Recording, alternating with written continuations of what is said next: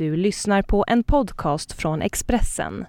Ansvarig utgivare är Thomas Mattsson. Fler poddar hittar du på expressen.se podcast och på iTunes.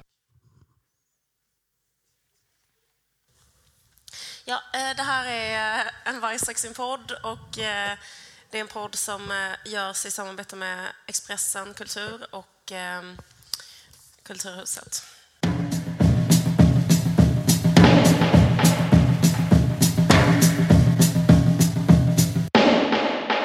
Prata om lite olika saker idag. Vi tänkte prata om det som alla pratar om. Och det är, alltså det är rätt speciellt för det är liksom uppföljaren till egenmäktighetsförfarande som vi också snackade om i en annan... Eh, vi har pratat om den också ja, Lena Andersson har ju skrivit den här boken. Den Utom... ligger etta på topplistorna. Säkert. Men jag, jag läste det. Säkert. Okej. Utan personligt ansvar heter den. Och det, för de som inte har eh, läst den så är det liksom en uppföljare där samma karaktär som eh, var med i den första boken, Ester Nilsson. Ja. Det är fem år senare och eh, nu är hon, eh, blir hon kär i en annan man och då upprepas ungefär samma som upprepar sig i förra boken, nämligen att han är av slash på och hon är på hela tiden. Mm.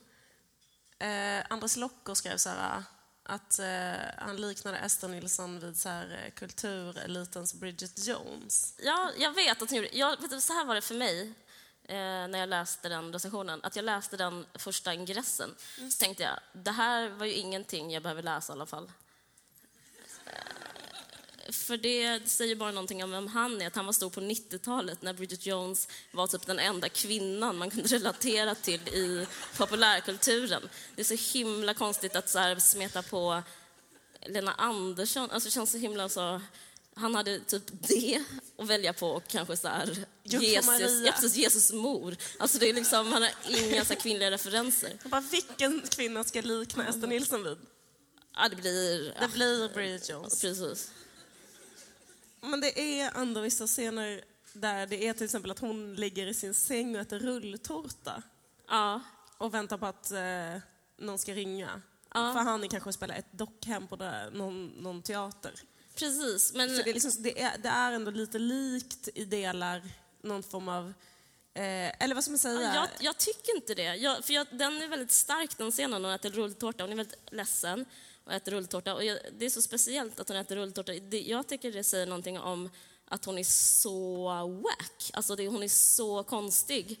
För ingen äter, ingen äter rulltårta. Va? Nej, men det är så himla gammaldags godis. Men det, är inte det också hela hennes grej att hon är så här... Eh, hon beter sig som om hon är mycket, mycket äldre. Hon är ju 37 i boken, men det är väldigt mycket så här... Ja, hon hyr VHS. Hon bara, hyr VHS-filmer. Varenda nyår så är hon hemma med tre goa VHS-filmer. Och det är typ så när hon treatar sig själv och har det bra. När hon har det dåligt så typ, nej, du måste ha rulltårta. Eh, det tycker jag är... Jag skulle mer eh, kanske prata om någon anakronism eller att hon liksom förvirrad ur ledig tid, är tiden, något sånt där. Alltså, ja. än, än att hon är Bridget Jones som är så här, bara konsumerar allt som finns i nutiden hela, hela tiden. Ja, precis. Liksom. Nej, det är en, en jättepissig referens. Det känns också som att, det, att han liksom förfrämligar sig. Alltså, han ser ju, det säger väldigt mycket om honom. Ja, gud, det ja. säger att han tittar äcklat på krävande, galna kvinnor som liksom vill ja. ha kärlek, att det är äckligt liksom. Jag tänker mig att det säger att han har bott i London och Ja, och tittat mycket på... Ja, på Bridget, ja, men Bridget Jones. Punkt. ja, jag vet inte. Det är liksom den enda filmen, precis med Klara Bridget Jones Bechdel-testet, den gör typ inte det. För jag tänkte att det är en film som handlar om en kvinna, ja. men det är väl bara hon som är med. Ja. Eller har hon en kompis? Hon har ju en kompis, men är den kompisen... Pratar de någon gång om något annat än killar? Uh, antagligen inte. Jag, jag vet Nej, inte. vi får fråga Anders Locko. Det är han som är experten. ja. Ja. Nej, men en sak som är jävligt eh, spännande med den här boken, eller som är kan man säga, den mystiska kärnan i den här mm. boken, mm. um, det är lite så här, det, det gåtfulla i det här romanprojektet som, som eh, Lena Andersson har. Det är liksom killsmaken som presenteras. Japp. Eh, att Ester Nilsson i den första var liksom besatt av en 20-25 år äldre konstnärsman. Och nu är uppföljaren, så är hon igen så här galet kär i liksom mm, typ en 60-årig Ja. skådis. Skådis. Ja. Och det är liksom, vad ska man säga? Det är det outgrundliga tycker jag i, det är det som är så konstigt. ja, att hon har den För det är så killsmaken. Ja. himla oattraktiv kategori. Ja. Att hon bara liksom så här blir helt jävla locko av så här en sån gubbe. Ja, Jag får, tycker jag, får jag är- citera enda gången hon beskriver hur hon ser ut? Mm. Eh, framför henne stod en ömklig figur med tafatta armar, hängande från sluttande skuldror och en klumpig oförmåga som inte längre värmde och rörde hennes hjärta. Alltså han har, han har alltså sluttande skuldror, tafatta hängande... Alltså, det, hon beskriver aldrig honom. Det är många som har, som har eh, kritiserat henne för att hon inte beskriver sina romankaraktärer mer än att vid de här namnen. Men då förstår man ju att liksom, han är inte... Han är inte Sex så on fit. legs. Han är, nej, exakt. Och han är väldigt mycket äldre än henne. Eh, Men det, det är konstigt. Men det tror... Ska, ska vi... Varför, nej, nu säger så här. Varför tror du att det är så? Att eh, romankaraktären blir kär i dem? Nej, jag vet inte. Nej. Jag känner att det är som Mona Lisas leende. Typ jag uppskattar verket jättemycket. Tycker det är så fantastiskt hantverk. Det är bara en sån outgrundlig kärna som jag inte förstår när jag läser de här. Ja. Och det är den här grejen att vara besatt av en sån konstnärsgubbe Ja. som också är störig och liksom, jag, jag, jag tycker det är konstigt. Okej, ja, men jag Eh, tänker att alltså det, har, okej. ja. Nej, men det, det, det, jag tänker två saker om det. Alltså det ena skulle kunna vara att, som vi kanske kommer att prata lite mer om sen, att hon är så, hon är jävel på kärlek, typ. Mm. Eh, hon älskar kärlek och kärleken är viktigast av allt, kärleken övervinner allt. Och därför är det liksom mycket mer så eh, höga kärlekspoäng om man gillar typ någon som ser ut som eh, ja, någon som är riktigt gammal och ful. Liksom. Att då är det så här, ja, jag har inte ens märkt att han var gammal för jag är så kär. Så att eh, det liksom, det, det, det kunde inte gjort mig mindre typ att han... Ja, typ, hade- Säkert var kär i den här vattenkannan. Ja, precis. För jag har- bara, jag nej, för mig så bara, kärleken är större än så. Tråkigt att du var så ytlig och så vidare. Eh, Det är det, är det, det ena. Men det andra är också, som vi snackade lite om innan, att jag tror att det är en eh, generationsgrej. För I vår generation så är det inte alls, eh, det finns inte ens, mm, man brukar liksom inte laborera i de, eh, liksom, de de där mörka platserna. Typ, man brukar inte typ, eh, gå så långt som man blir ihop med någon som är 30 år. Alltså om man är intresserad av kultur så kanske man blir ihop med någon som är lika gammal som en. Och, eller är, kan, jag, under, under tiden jag pratar tänker jag att jag har fel. Man kanske visst blir ihop med äldre fortfarande. Men jag tänker på, kommer du ihåg när Rolf Lassgård blev vald till Sveriges sexigaste man? Som, som om det var igår. För det känns som det inte skulle kunna hända Jag har fortfarande idag. inte hämtat mig från den chocken. Ja, men blev han inte vald liksom, i år? Okej, ja, men då glöm, glöm allt jag sa. Då vet inte jag. Nej, men jag tänker att det är ute att vara ihop med äldre. Och innan, alltså om man älskade kultur så var det inne innan. Men de kanske, eh, alltså, du menar liksom att en 60-årig kulturman, samma ålder fast liksom på 60-talet, 70-talet, 80-talet, 90-talet hade lättare att ragga upp 20 år yngre kvinnor. Det, kanske, det kanske de ändå hade. Men jag bara menar att det fanns en annan så attraktions... Eh, det ingick i typ vad man upplevde som attraktivt. Så här, och typ, tänk dig typ, en romantisk kväll så kan och någon sitter och föreläser. Mm, så. Men, men nu, så- alltså föreläser för en själv. Ja, Men nu så brukar man prata om att man tycker det är tråkigt med gubbar och liksom... eh, Fuck gubbar. ja, precis. Vi har ju den taglinen på vår. Nej, men vi gillar, vi gillar ju gubb. Vi, Vi enda gillar, vi, gillar, vi gillar ju gubbar, fast jag skulle inte på det sättet, inte på det sättet som Ester Nilsson gör. Nej. Men själva boken är ju svinbra, tycker jag. Det går ju väldigt bra för Lena Andersson och hennes böcker. De, de, de ligger etta på så här Adlibris och Bokus och allting och eh, gått om Lars Kepler och alltihopa. Liksom. Ja. hur som helst. Får jag bara säga en sak? Jag vet att boken hon gav ut innan de här två Ja. böckerna sålde hon kanske i 630 exemplar eller sånt där. Ja, För jag tänker ändå att hon har varit en välkänd skribent innan. Ja. Men att hon sålde så himla lite av sina andra böcker. precis. Och nu har så- den, här, den har sålt liksom 100 000 ex- exemplar minst, den här egenmäktigt förfarande. Absolut, och Mm. det har ju med ämnet att göra som är kärlek.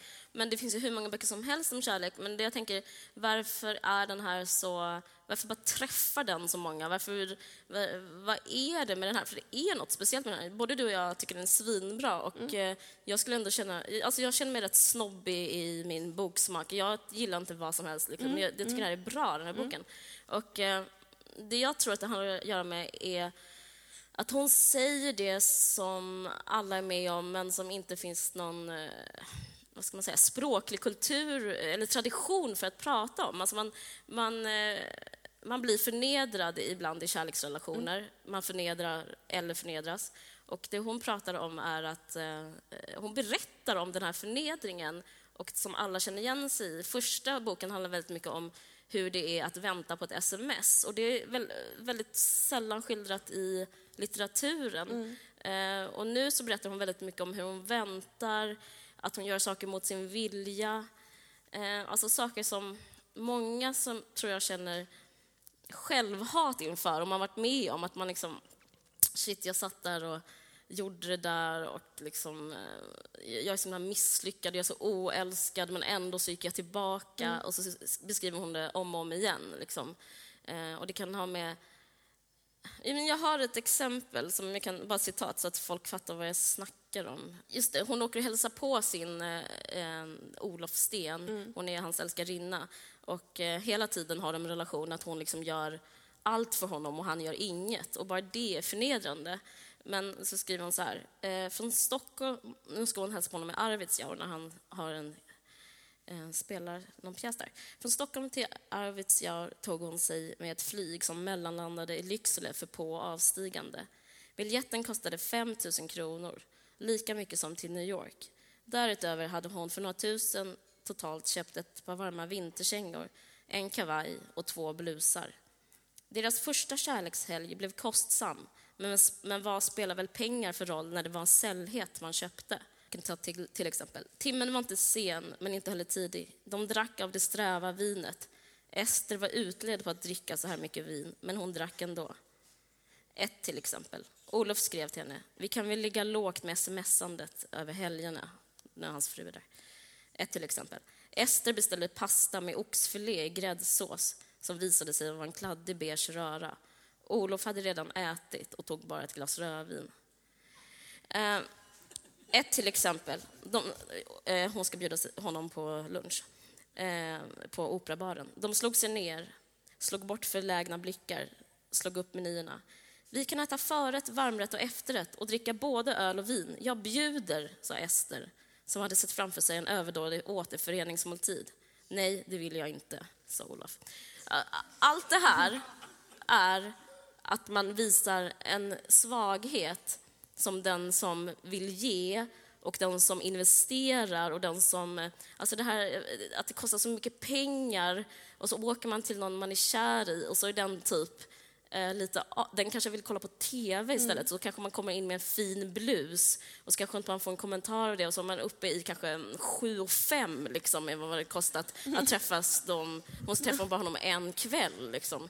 Och det, och det är så fruktansvärt. Men det som jag tycker är intressant med det här, det, det är att eh, jag har samtidigt lyssnat på en forskare som heter Brené Brown som pratar om skam. Hon forskar på skam och vad man ska göra för att kunna leva med skam och för att kunna leva i den här världen. För att alla människor känner skam. Och motsatsen till skam är värdighet, eller värde kan man säga. Och, så, och det är jätteintressant för att hon pratar om att eh, för att man ska kunna känna sig värdig som människa eh, så finns det bara ett sätt och det är att visa sårbarhet. Och eh, det är liksom magi. Så när man visar sin, sina dåliga sidor och när man visar sin skam, och det kan man göra på ett sätt, och det är att berätta om det. Eh, alltså om man inte är författare så kan man berätta eh, för människor som man känner förtroende för. Men det viktigaste är att man liksom börjar berätta och först då så börjar man ingå i ett begrepp som är att vara mänsklig istället för att vara dålig. Och jag tror att den här upplevelsen som man som läsare har när man läser att man, någon, lägger, man, någon har köpt vandringskängor för att man ska verka som att man vandrar, med, bara för att han ville vandra en eftermiddag och så är man uppe i flera tusen. Det känns som något dåligt för en själv, men eh, det är ingenting som man berättar om. Men när man som läsare får läsa om en kvinna, eh, det skulle kunna vara en man också, som förnedrar sig så, eh, så slutar man själv tycka att man är dålig. Man ingår, alltså, jag tror inte Lena Andersson är feminist, eller hon håller inte på med den typ av um, uttalanden så mycket i alla fall. Hon arbetar. Jo, men det gör hon. Ja, ah, okay, det kanske hon gör, men inte den här boken. Mm. Men det blir liksom en slags ofrivilligt systerskap som kommer in, som är så här, jag delar det här med dig, vi delar det här ihop och eh, vi får existera, vi får vara värda ändå och existera. Alltså, nu kanske det här blev väldigt pretentiöst och djupt, men jag, jag, jag upplever det som en slags något subversivt, något, så här, något förhöjande till och med. Liksom. Jag, jag, jag, tycker det är en gärning. Därför tror jag att den är populär. Ja, ja men det är intressant den där grejen. Alltså att, eh, att blottlägga skam och där, liksom, ja, men för att hon blir verkligen så här, äh, älskad för att hon gör det. Liksom. Ja, för hon gör det här för alla kvinnor, eller alla som är förnedrande kan man säga. Och motsatsen är väl typ en sån pojktjej som umgås med killarna och är så här och typ eh, säger att hon älskar chips och fiser och berättar ingenting och ingenting är svårt. Och det är då man, det är liksom det är en sån person. Om man läser om sån så känner man sig bara dålig själv. Man bara, själv så liksom dog jag inombords när jag satt där och tittade på TV bredvid de andra som åt chips, för jag ville bara vara med han. Eh, eller vad som helst. Alltså det är som att hon avslöjar massa saker eh, som inte är sagda. Liksom. Mm. Eh, jag, vet inte, jag tycker det är väldigt häftigt på något sätt. Det är intressant också för att så här, ja, men man, man, kan nästan säga att det är liksom det som vi håller på med i vår kultur idag, maximalt, är kärlek, alltså mm. alltså kärleksrelationer. Och liksom till skillnad från tidigare generationer så håller vi på Eh, alltså till skillnad från våra föräldrar eller deras ännu mer liksom, mm. mor och farföräldrar som hade mycket mer så här, ett förhållande så håller vi på liksom jättemycket att byta förhållande och hitta någon och inte hitta någon. Så och det tänker jag nästan är något av de så största skillnaderna för, som människor mm. som vi håller på med nu. För så himla kort tid sedan, kanske 60 år sedan, så höll människor inte på så. Mm. Men hela den här grejen att man opererar på en marknad och ska träffa någon och den ska träffa en och man ska känna likadant och det ska vara så här. Mm. Och liksom i den, här, i den här konstiga marknaden som man håller på med så eh, finns det liksom en teori, en sociolog som menar att eh, det finns något som heter depressive love, som är typ att man så fastnar i avvisanden. Typ att har man blivit avvisad av någon så liksom, eh, har man kvar den så smärtan och får liksom sänkt självkänsla och känner sig helt kass. Och sen när man träffar någon annan så kanske man blir avvisad alltså bara efter några dejter. Eller liksom, så det är ganska vanligt att man blir mm. avvisad i den här mm. konstiga marknaden som folk håller på med. Men då att man liksom ackumulerar hjärtesorg så att man blir mer och mer och mer paj. Så att man till mm. slut nästan blir som att, eh, jag vet inte, som man utvecklar en slags allergi för att bli avvisad. Så att när man blir avvisad så liksom utlöser det så här väldigt, väldigt, väldigt, väldigt starka reaktioner. Mm. Och det känner jag nästan att det som är så intressant med den här boken, för det är ju väldigt ovanligt också som litterärt grepp, att man har samma huvudperson och så kort efter varandra skriver en ungefär mm. likadan bok. Liksom. Men det är det som gör det här projektet så jävla intressant tycker jag. För det visar sig hon, var med, hon hade den här erfarenheten i bagaget och den erfarenheten är ju liksom väldigt mycket det som gör, tänker jag, att hon, att hon är så här nu igen. Mm. Att hon eh, har blivit behandlad som skit mm. och är försvagad av det. Mm. Eh, och det är också intressant liksom, att se så här, vad, händer, vad händer sen med någon som blir eh, förnedrad och behandlar dåligt i en relation. Att det är så mm. himla himla lätt att man äh, gör sig en självbild som är så. Mm. Och så händer samma sak ungefär en gång till. Mm. Eller att man letar upp en ungefär likadan man för, eller kvinna eller vad det nu är, mm. liksom för att man ska få upprättelse. Um, men så får man aldrig upprättelse. För man undrar ju, för jag tycker liksom att Lena Andersson, hon snackar om den här boken, så har hela tiden sagt så här, nu är Ester Nilsson tillbaka hon har inte lärt sig någonting. Mm. Jag tycker det är något som är liksom jag tycker det känns som att så här, nu är Ester Nilsson tillbaka och hon beter sig på ett sätt som är jävligt logiskt utifrån vad som hände henne för fem år sedan. Liksom, mm, mm. På något sätt. Absolut. Men det är rätt intressant just att det handlar om kärlek, för hennes mm. kärlekssyn, mm. det är en sån otroligt okritisk, gammaldags, superromantisk kärlekssyn. Ja, som ges uttryck för, som är så här gammaltestamentlig. Typ. Ja. Alltså det är när man ser kärlek som en sån gammaldags gud som Ja. träder in och liksom drabbar en. Och det, är, det är ju verkligen, verkligen den synen. Att, att liksom Ester Nilssons eh, kärlekssyn här är ju så här, typ så här. När man träffar någon, då ska alla barriärer brytas. Så att man ska bara malas ner och bli en person. Och då ska det vara så att man kan vara exakt som man är när man är själv med den andra personen. Liksom. ja, just det. Men hon skriver det. Det är väldigt Eh, speciellt. och det är väldigt speciellt. Ja. Och typ att hon eh, tycker liksom att någon, det finns ingen praktisk invändning som är rimlig att ha i kärlek. För det är någon Precis. annan som invänder just det där med åldersskillnaden och säger så här, ja det är väl kanske inte så bra att vara ihop med någon som är så mycket äldre för att Mm. eh, det blir så jobbigt när ni blir gamla. Och då blir hon helt rasande över det. Hur kan man liksom överhuvudtaget ens ha tan- en tanke på ålder? Eh, ja, men liksom inget, inga, Mm. inga förnuftsargument biter på henne. Nej. Eh, eller det där med frun till exempel, att han har en fru. För då ska man tänka så här, ett förnuftsargument skulle vara så här, han har en fru. men då är hennes motargument så här, men jag är ju kär i honom. Ja. Och han är ju kär i mig. Ja. Slut på diskussionen. Ja, men precis. Men hon ser det som kärlek är överordnat Mm. allting. Över, absolut förnuftet, och, men liksom... Men också, jag tycker det är speciellt för det som att... För hon återkommer till hela tiden att han är fatalist och hon är realist. Men jag skulle säga att hon har liksom kärleken som en, som, att, som en religion. Alltså på ett sätt är hon fatalist också, för att hon ställer sig i kärlek... Hon är som soldat i kärlekens armé på något sätt. Att hon bara, nästan som att inte hon har ett personligt ansvar själv. Hon bara, men jag kan inte... Alltså, för er som inte läst den, hon, hon, hon, är, hon gör helt sjuka grejer på 300 sidor ba- bara för att hon är kär.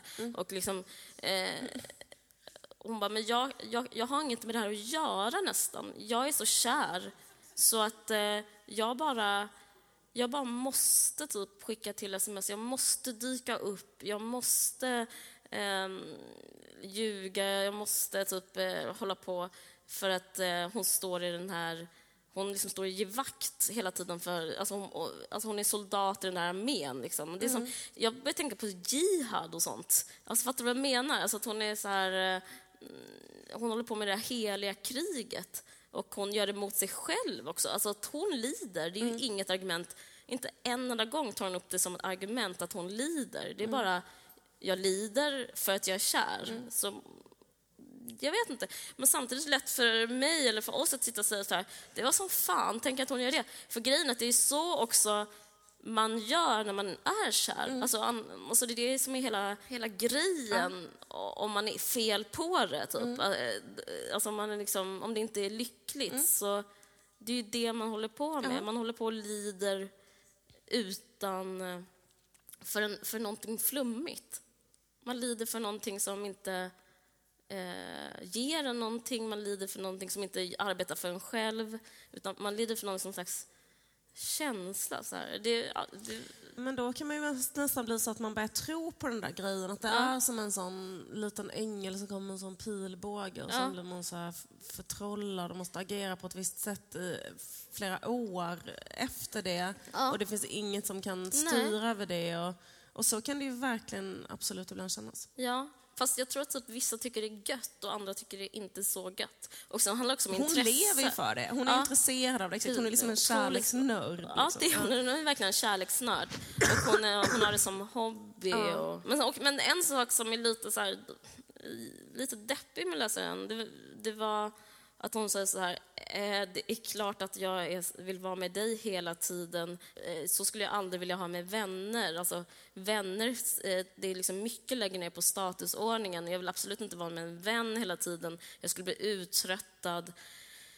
Eh, alltså jag tycker det är lite, lite, lite, lite deppigt att hon, kan, att hon inte alls kan så här, öppna upp i hennes konservatism. Liksom. Att hon inte kan vara så här, uppvärdera relationer, liksom, se liksom, att det finns liksom, värden och kärlek. Eh, alltså det, det, är sån, det är verkligen motsats till platt hierarki. Alltså det, den där heterosexuella kärleken är överst och allting annat är på andra plats. Liksom. Och jag tror hon skulle må bra av att så här, vet inte. Ester. Ja, borde, borde, alltså, borde så här, vi, ja men typ, du vet. Bo i ett kvinnokollektiv. Ja, något sånt.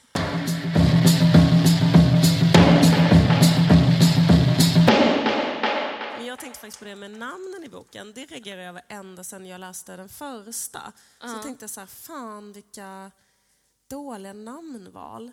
Eh, just att huvudpersonen heter Ester. För då tänker jag så här, man är författare. Alltså grejen att hela den här boken är strålande, finns inget fel på det. Det enda tänker jag så här, när man är författare kan man göra misstaget när man sitter och knattrar på en bok eller någonting, eller skriver något manus. Att man tänker så här, jag ska ta det, ett namn som jag själv tycker är fint. Eh, och ehm, Ester är ju liksom ett jättefint namn. Och, då, och det är också ett namn som är jättepopulärt nu. Det är mer som att så här, man, a, nästan alla människor just nu går runt och tänker så här, mm, om jag skulle få en flicka, då skulle hon kanske kunna heta Ester. Det är sånt kollektivt som alla tänker. Ja.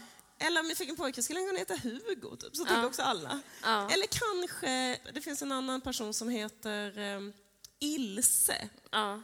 Ilse Det heter ju Filip Hammars det är precis eh, som dotter. Filip Hammars barn. Det är liksom som att det är kollektivt undermedvetna. Det är så jävla roligt med namn, för alla kommer på samma, att samma namn är fina hela tiden. Eller också tycker jag med Olof, för Olof är en sån liten underdog som folk så har varit lite trötta på, men nu sitter ändå alla så på Södermalm och tänker så här, men han skulle kunna heta Olof efter Olof Palme nu. Så, här, ja.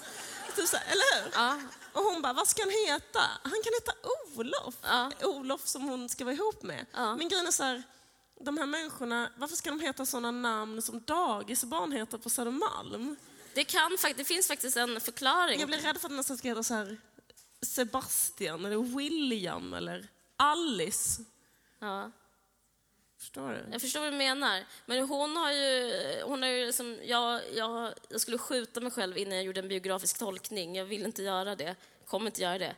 Men hon har ju pratat i... Hon har, den här författaren har pratat väldigt mycket om, i media om att hon inte vill ha barn. Och det här är väl hennes små bebisar. Du tycker att det var hemskt att Anders Locko jämförde med Bridget Jones och nu kommer du med den här, med den här grejen. Nej men du menar att så här, jag, vill också, jag sitter också och tänker, vad är ett fint namn? Och det kan jag få göra fast jag inte har barn. Ja. Det var Att alla har ju det här uppdämda behovet av att döpa någon. Jo men absolut. Men jag tänkte så här, ja, det- jag tänkte så här liksom att speciellt Hugo Rask, jag skulle så gärna vilja att han hette liksom, eller Olof tänker jag så här, varför heter han inte Göran exempel? Något namn i hans generation.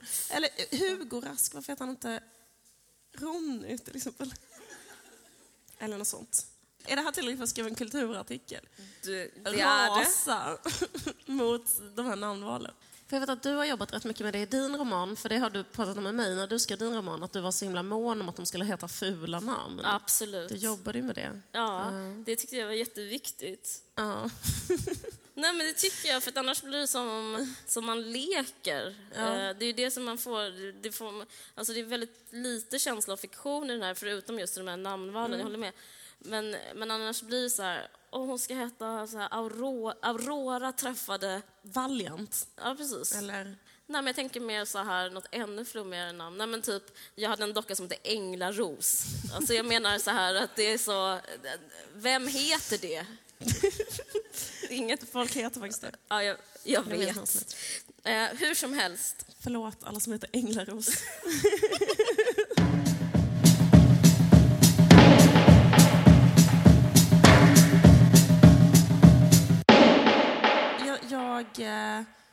är hemma ibland och tittar på TV. Och då eh, börjar jag tänka på lite olika saker. Nu tänkte jag på en grej. Jag, jag, var, jag kollade på ett TV-program som jättemånga svenskar kollar på. Och då handlade det om en person och då så var det lite olika människor som sa lite olika omdömen om, den här personen. Jag kan bara lyssna på vad den första sa. Hör, När du kom in och så känner man eh, liksom ett, ett hantverk och att det fanns material här. Att det blir trovärdigt och äkta, det går jag igång på. Då var det, handlade det om någon som är trovärdig och äkta. Kul. Har vi ett annat omdöme. Du är ju ändå alltså på, på ett väldigt positivt sätt en, en, en, en rätt så udda fågel. Det handlar om någon som är äkta, trovärdig, också en udda fågel. Och här har vi sista omdömet. För du är ju en utomjording. En utomjording. En utomjording. Ja. Vem tror du det handlar om? Det här är inövat. Nu ska jag säga att jag inte vet. Ja, jag vet inte. Vem, vem är det? Jag kollade på Så mycket bättre och då, handlade, då var det då Amanda, artisten Amanda Jensens dag. Och då sa alla sådana saker om henne. Så jag bara, eh, dels att hon är eh, unik. Ord som ofta vidhäftar den artisten är så här, hon är unik, hon är väldigt speciell, hon är en udda fågel, hon är till och med en utomjording, hon är speciell. Ja. Och det har liksom varit hennes uh, trademark, tycker jag, ända sedan hon började vara med i Idol. Att, det är så här, att alla var så här, bara, du har verkligen något eget, något udda. Och eh, så tänkte jag liksom på, för det är liksom en sån grej, det är någon slags eh, hårdvaluta i eh, personliga varumärken. Mm. Att vara udda, speciellt om man är en artist. Mm. Att man är så här, eh, nej det är inte bara en vanlig tradig tjej, utan det är en spännande tjej. Mm. Och jag tycker liksom att hon så delar det med många eh, andra artister i Sverige. Att det, är så här, det här är inte bara en vanlig eh, liksom, eh, tradig spelar piano, utan det är så här Miss Li. Hon är så lite spännande. Hon har något så spännande över sig. Något udda. Eh, något eget uttryck, bla bla bla. bla. Men det som jag tänkte på när jag tänkte på de här grejerna, det var liksom att det som under sin dag också så var hon så här att hon tvingade alla att um, delta i en maskerad. Och då var det så här, nu gör vi någonting, jag är helt så här som jag bor på en annan planet och vad som helst kan hända. Och då det som händer är att det är en maskerad. Ehm, eller att ehm, man tar på sig en sån, också faktiskt en sån indianfjäderkrona. Att hon tvingade Carola att sätta på sig det. Som också är liksom en ganska stor debatt just nu om kulturell appropriering, att man inte ska ha såna på sig. Men eh, skit i det. Det som slog mig då var liksom att, att, det, att det är så att det finns liksom en, ett, i vårt samhälle finns liksom ett institutionaliserat sätt att vara unik. Och det sättet är alltid likadant. Eh, och då innefattar det vissa saker. Till exempel så här, nu kan vad som helst hända. Jag tar på mig en indiankrona. liksom.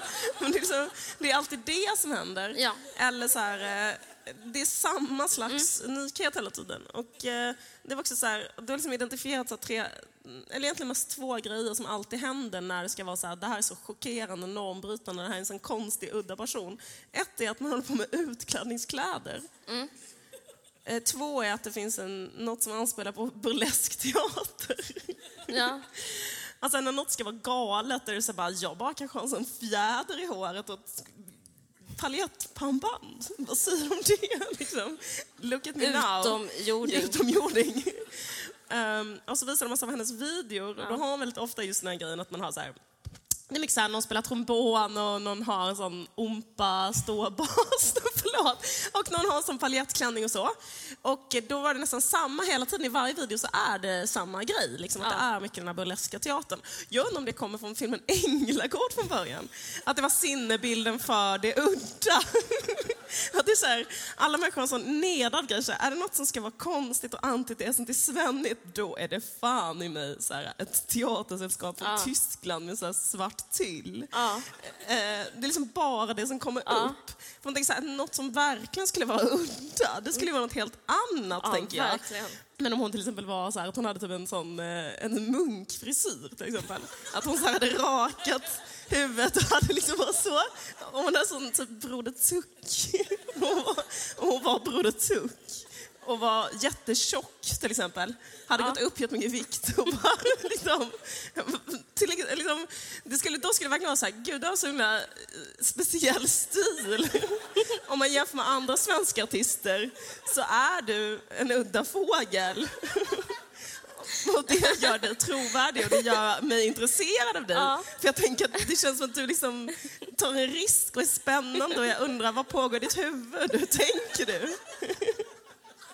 Det är sant. Jag vet inte vad jag ska tillägga. Nej, men du har, du, du har rätt. Eh, är det därför man inte gillar psykpatienter? Man inte gillar? Ja. De har ju låg, alltså hur man än vrider och vänder på det så har de låg status i samhället.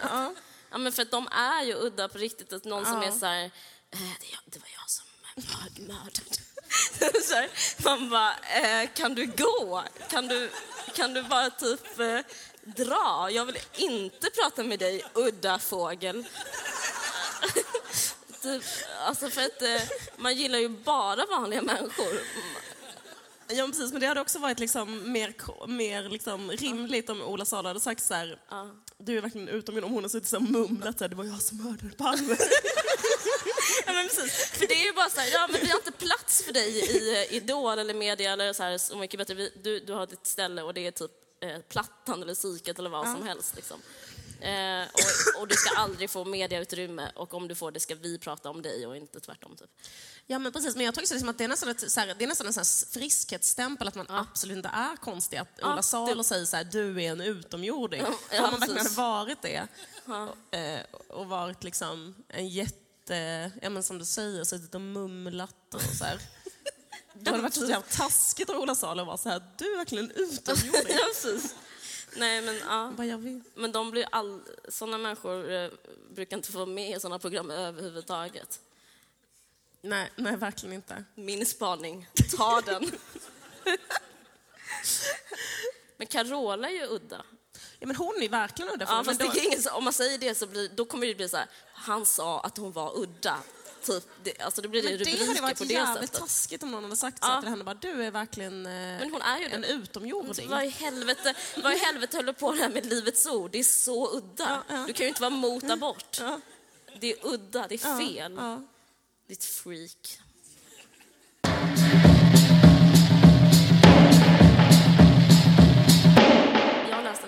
Artikel som, eh, den är kanske fånig, men den var ändå, för jag blev lite glad av att läsa den. Det var att eh, Kim, Kim Kardashian funderar på att copyrighta sin röv.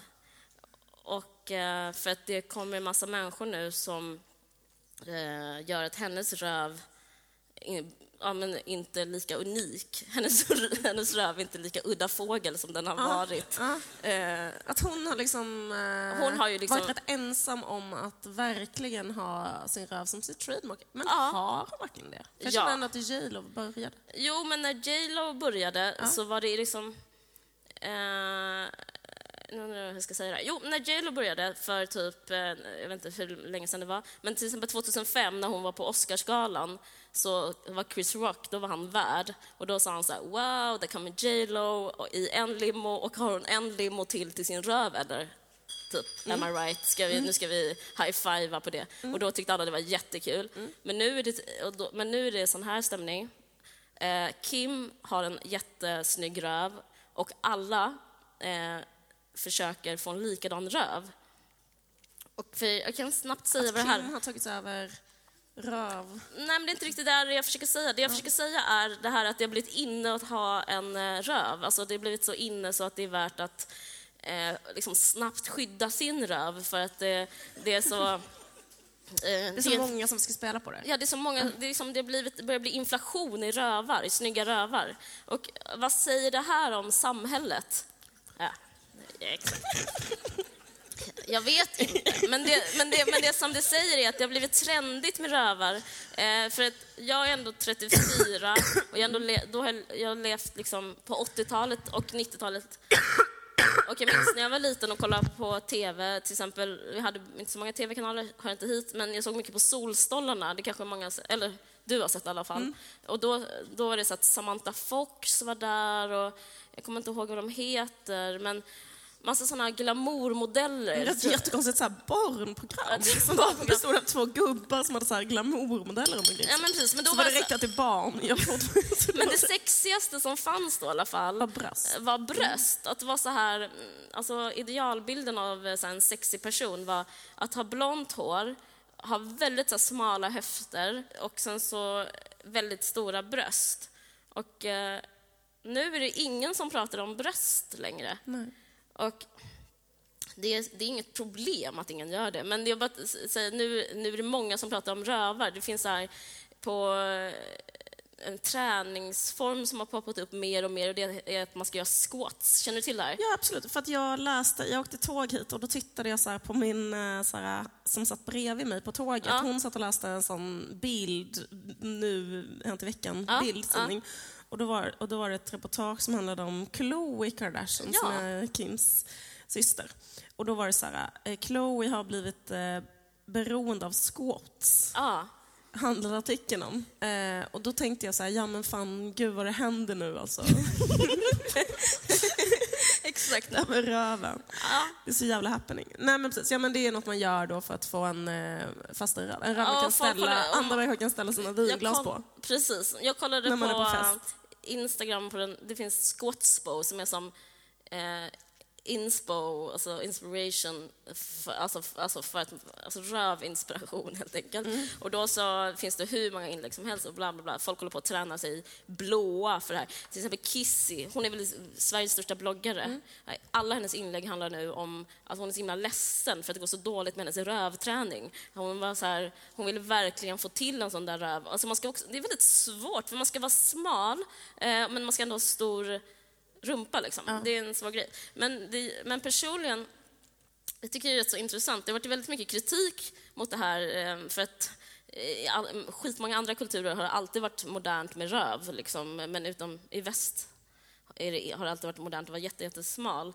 Men jag kan ändå så här, eh, jag kan ändå uppskatta det här. Till exempel så läste jag en intervju i Nöjesguiden med och, och när hon, hon berättade liksom hur det var, alltså att man har en kropp eller man har liksom en hudfärg men man är liksom otrendig i sina så här biologiska förutsättningar. Att hon sa att, liksom, att hon var så olyckligt kär hela 80-talet och eh, 90-talet men det var först typ när det blev inne med så R&B och sånt där då folk började bli kära i henne, då hon blev inne. Annars var hon bara ute. Alltså, och jag vet inte om man kan kalla det rasism. Men, men, Jo, det kan man väl. Ja, ja, men Eller, jag, vet inte. det är Men, men liksom- det är liksom, handlar liksom om att man kan ha ett mer... Att ens utseende kan vara modernt eller inte modernt.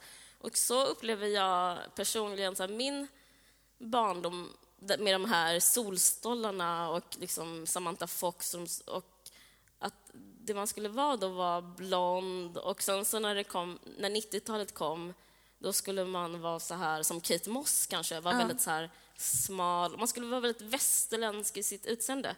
Och nu känner jag att det kanske är payback time, alltså typ för mig jag menar inte att jag har extremt stor röv, men jag menar att jag inte... Jag har aldrig känt mig svensk och fräknig, typ. Eller eh, typ så här smal, hyfsad pojkflicka, typ.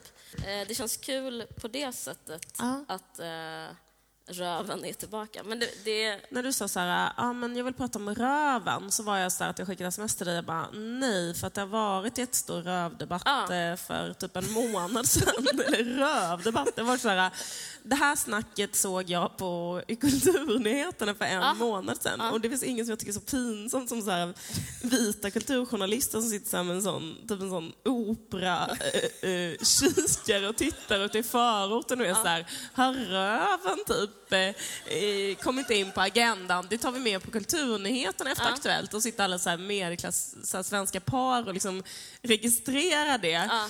Att det blir så här, det finns något med det som är så pinsamt liksom. Ja. Eh, med att ta upp det så. Och mycket riktigt så väckte det också väldigt mycket reaktioner. Så här, vad är grejen med att hålla på? För det var ett Vogue skrev en grej som är så här, det här är rövens era, det vi lever i nu. eh, det kommer inte så här, av eh, framtida generationer vara känt som informationsåldern. Utan som rövåldern. Nej men typ att, nej men, om- om- det, det, har funnits en kritik också som är just det du sa, som är så här, bara, men det är bara för att vi, vitheten har börjat operera ut i eh, liksom en massa sfärer där den inte tidigare har varit. Och liksom, det skulle man också kunna säga är någon form av kolonialism, eller det som alltid har varit att det är så här, ta olika, men det är liksom som twerking, att Miley Cyrus då, men Miley Cyrus, det, fanns, det var ju så jävla konstigt också, för att det var ju också att hon typ hade klätt på folk stora rumpor och gick runt och smiskade dem och sånt. Alltså det var ju... udda. Det var ju, det var ju hon är en udda fågel. Och hon, eh, hon var, nej men det var jättekonstigt. Men med det sagt, alltså typ att det alltid har varit så i många kulturer, så är det ju typ en skillnad tycker jag ändå, om man kollar på så den största kvinnliga artisten när, man, när jag var liten, var ju 100% Madonna. Ja. Och hon var ju då, eh, tog, stod ju alltid och tog sig skrevet. Eh, och liksom hade så svinsmala höfter. Men den gesten känns ju helt främmande nu. Eh, nu är det ju Beyoncé som typ skakar på sin röv. Det känns väldigt, väldigt främmande att eh, Nej, men det känns verkligen som att så här, fittan har stått tillbaka, fått stå tillbaka för röven. Typ. Eh, men jag vet inte. Men jag kan tycka det finns någonting i det, alltså någonting så här... Eh, för röven, det är ändå fett någonstans. Alltså det finns Ja, någonting så här det. Mm. i, i så här ätstör... Alltså det går ju inte att ha en, eh, hålla liksom en ätstörning vid liv och samtidigt ha en röv till exempel. Alltså det, det finns ju någonting i det. Men, men det jag vill säga som är kanske inte så jävla mm, mindblowing, det är inte, kanske inte meningen heller, men hur som helst, det som är, som jag, tycker, jag inte hittat på så jättemånga ställen, är liksom att, att kritiken är fortfarande eh, inom patriarkal, om du förstår vad jag menar. Alltså det är så här, ja, eh, för det, folk, det finns ju vissa som blir arga, så här, ni ska inte ta typ vår röv och göra till er röv, era vita jävlar. Eh, vi hade röven, ja, massa sånt. Och, men, men grejen är att det handlar ju liksom bara om objektifiering till syvende och sist. Att liksom så här, okej, nu så kan man objektifiera röven. Men det är fortfarande objektifiering. Jag tycker det är så konstigt att inte det finns någon sån eh, att det inte är en diskussion om så här, kanske tråkigt att hålla på och objektifiera. Ja. Sluta kolla på, alltså typ det här med the gaze och the male gaze och allt det där. Liksom. Varför kan man liksom inte...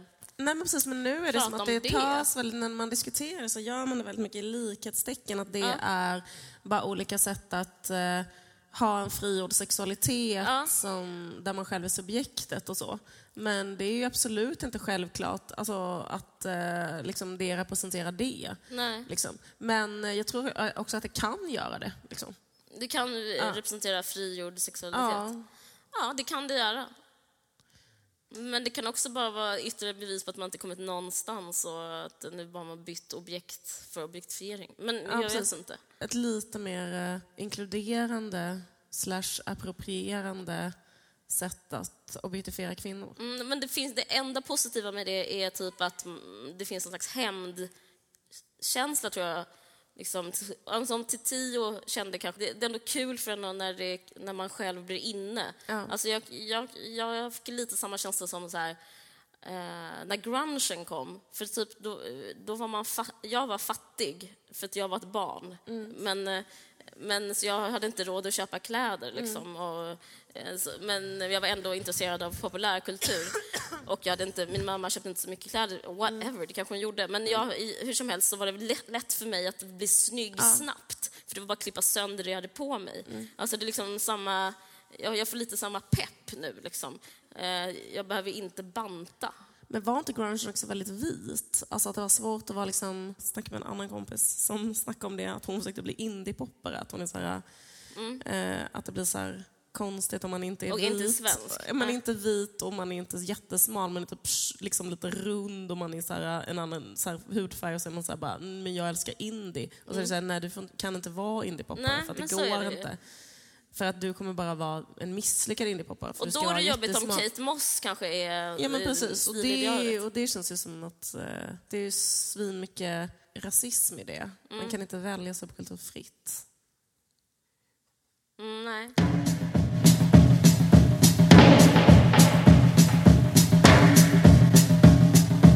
Tack så mycket. Tack så mycket.